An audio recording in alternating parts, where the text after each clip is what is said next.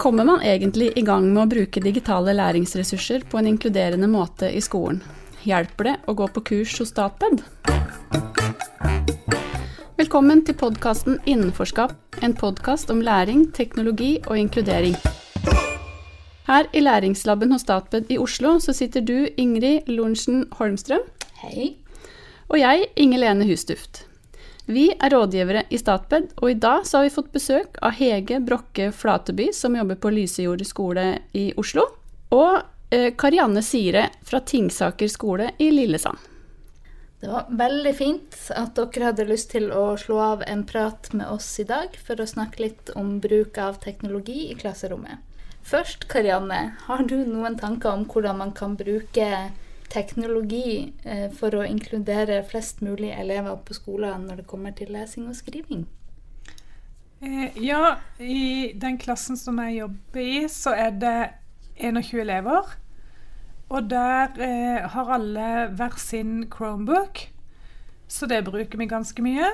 Tidligere så har vi mest bare brukt eh, Classroom og Internett og sånn, men nå etter at vi var på kurs her hos dere på Statped, så har vi begynt å bruke mer stemmestyrt skriving og få lest opp tekst og diverse sånne hjelpemidler.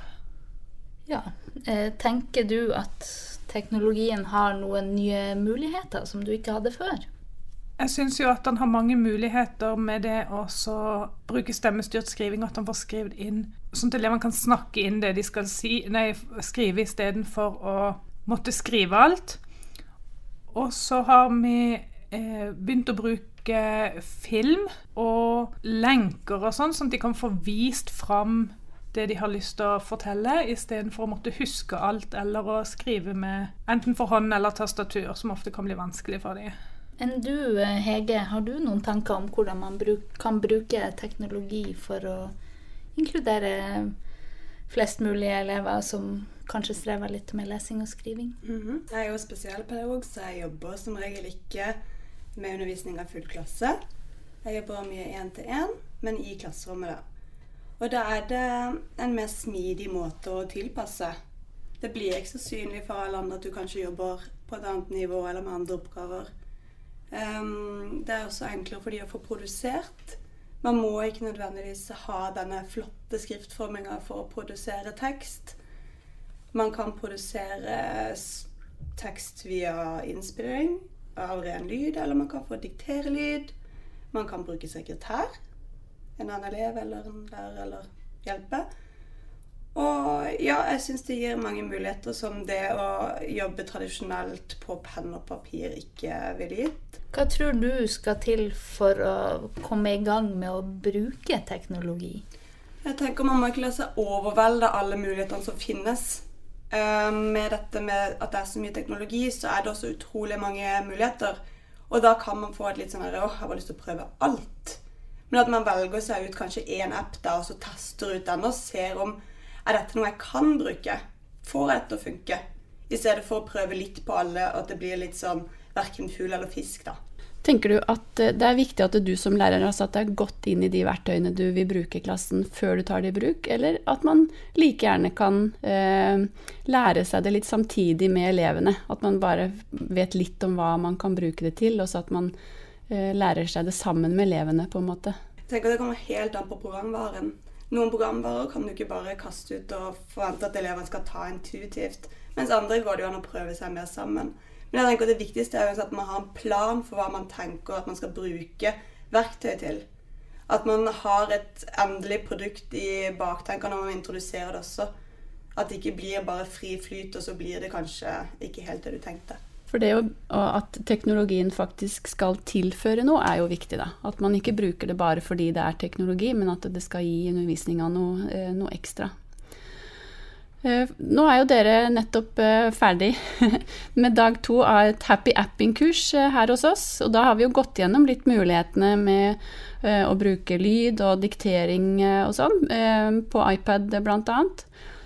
Og i den tida fra, fra første kursdagen for seks uker siden og til i dag, så fikk dere i oppgave å bruke noe av det dere hadde lært på kurset, i undervisninga deres på skolen. Kan ikke du Hege, forteller litt om hva du satt igjen med etter den første kursdagen. Det jeg satt igjen med, er jo kanskje dette å være mer bevisst når du begynner å arbeide. Hva er det jeg tenker at eleven skal få utbytte av å bruke teknologien, da? At man ikke bare bruker for å bruke. For det er jo veldig gøy, og det er noe annet å gjøre. Men man må være bevisst eh, at eleven skal ha et utbytte og skal ha læring gjennom den teknologien den blir presentert for. Um, og Karianne, den oppgaven som dere fikk, det var å lage et uh, undervisningsopplegg i Book Creator. Uh, kan ikke du si litt om hvordan uh, du valgte å løse den oppgaven? Jo, eh, siden alle elevene har Chromebook, så valgte jeg å lage en oppgave på Google Presentation istedenfor. Og da eh, tenkte jeg litt på det som det var litt snakk om forrige gang på kurs, at eh, selv om det er noen elever som har behov for eh, ekstra tilpasninger, så er det ofte til hjelp for alle elevene i klassen. Så da tok jeg utgangspunkt i et tema i samfunnsfag som handler om landet vårt. Og så hadde vi først litt eh, tankekart på tavla da om eh, hvor mange fylker det var i landet, og landsdeler og kommuner og forskjellig sånn. Og så valgte de hver sin by eller bygd i landet som de skulle lage en Google-presentasjon av. Da eh, var, gikk vi gjennom kriteriene sammen med elevene, og det var sånn at de var nødt til å bruke stemmestyrt skriving, lenke, bilde, samt lage en film som de skulle sette inn. Og de fikk ikke lov til å skrive noen ting med å bruke fingrene. Det som jeg opplevde, var at noen syntes at det var litt skummelt, mens eh, veldig mange syns at det var helt topp. Og så, eh, litt sånn som dere snakket om i stad, så kunne ikke jeg dette her helt når jeg satte i gang. Jeg hadde prøvd sjøl, men jeg hadde ikke helt funnet ut av dette her med filmen, hvordan jeg skulle få den inn i presentasjonen. Det tok jo ikke lang tid før elevene fant ut av sjøl hvordan de skulle løse oppgaven. Og eh, veldig ofte så opplever jeg jo at de elevene som kanskje sliter med lesing og skriving, er flinke på data. Så de fant fort ut åssen det skulle gjøres, og eh, de var flinke til å hjelpe hverandre. Og selv om de satt i klasserommet, så klarte de å bruke stemmen til å få skrevet inn teksten uten at det forstyrra andre, og uten at eh, mikrofonen tok opp all den andre lyden utenfra. De fikk lagd noen kjempefine presentasjoner, og alle lærte å Sette inn bilde, sette inn lenke. Bruke stemmestyrt skriving og lage en film. Og eh, så snakker vi en del om det etterpå, da, at eh, det her er litt sånn som andre læringsstrategier. At du trenger ikke å kunne bruke alle, men det er viktig at du har lært om alle, sånn at du kan velge sjøl hva det er som passer best for akkurat det. Når du brukte stemmestyrt eh, skriving eh, i den eh, oppgaven som du, eller det undervisningsopplegget som du gjorde hjemme nå, eh, hvilke elever var det som eh, likte å bruke den metoden å skrive på? Jeg opplevde at eh, mange av elevene i klassen likte å bruke stemmestyrt skriving. Kanskje aller best de jentene som har dysleksi og ingen andre spesielle utfordringer. De likte det veldig godt. Så hadde jeg noen eh, elever som er sterke faglig sett. De likte det òg godt. Syns det var deilig med litt variasjon. Vil gjerne at det skal gå fort framover, og ikke bruke altfor lang tid bare på å få ned alt de har lyst til å si. Og så har jeg noen elever som har dysleksi, men som har eh, andre utfordringer i tillegg. Og de syns kanskje ikke at det var så greit å bruke, fordi de hadde de snakka litt for utydelig, sånn at eh, mikrofonen ikke klarte å fange opp akkurat det de ville si. Ja, så da var det ikke bare de elevene med lese- og skriveutfordringer som uh, satte pris på den måten å skrive på? Nei, det var det ikke. Det gjaldt egentlig svært mange i klassen. Mm. Uh, Hege, har du prøvd noe nytt uh, etter første kurs, da? Noe du ikke hadde prøvd før? Egentlig ikke. Vi har hatt um, iPad på skolen å jobb på nå siden høsten 2017. Um, men det er veldig fint å få en oppfriskning og få vite hvordan andre bruker uh, de samme ressursene. Tenker dere at det som vi har gått gjennom på det her kurset, er noe det, noen av dere som kommer til å ta med dere dette videre i den uh, undervisninga dere skal ha framover også? Eh, ja, det kommer jeg absolutt til å gjøre. Jeg syns det var veldig OK å jobbe med på den måten jeg har gjort. Og så tenker jeg det som jeg har lyst til å eh, utfordre meg sjøl på videre nå, det er å bruke de forskjellige tankekartprogrammene, sånn at vi får den idémyldringa i starten eh, litt digitalt. For da kan du sette inn mange bilder som gjør det lettere for de elevene som kanskje ikke klarer å huske alt i ettertid. Og så tenker jeg òg på det med å bruke film i lekser. Eh, det har jeg gjort en stund. Men eh, jeg har lyst til å utfordre meg sjøl på det med å ligge i forkant, sånn at elevene kanskje ser filmen om temaet vi skal jobbe med først, og så jobber vi i klassen etterpå. Mm.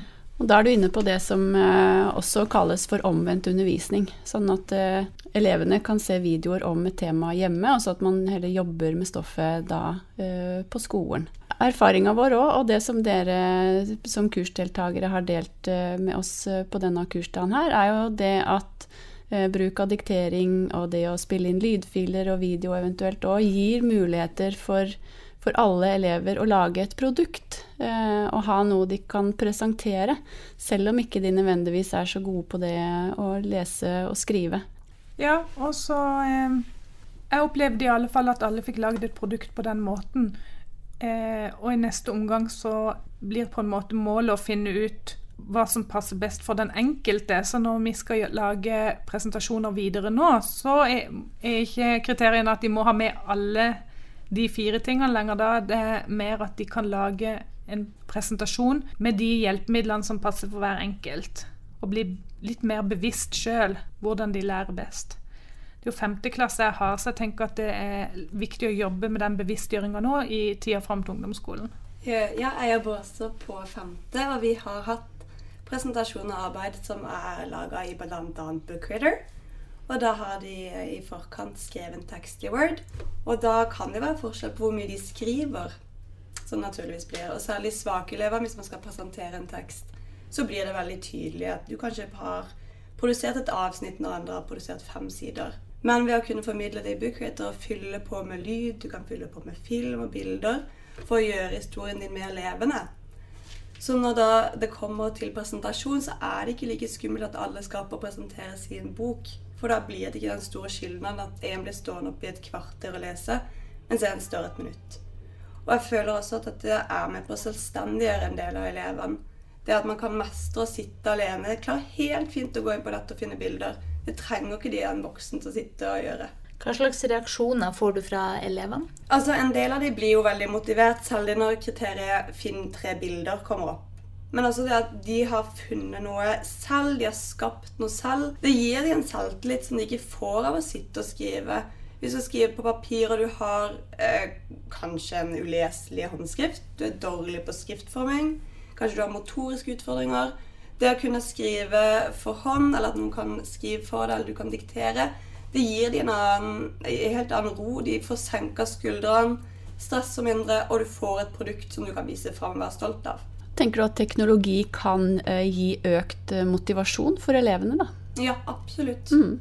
Er det noe mer dere ønsker å, å dele med oss? Det jeg syns er så fint med teknologi, er at jeg jobber på både andre trinn og femte trinn. Og um, jeg føler at selv andreklassingene klarer å produsere mer enn det jeg tenker at jeg hadde forventa for hånd.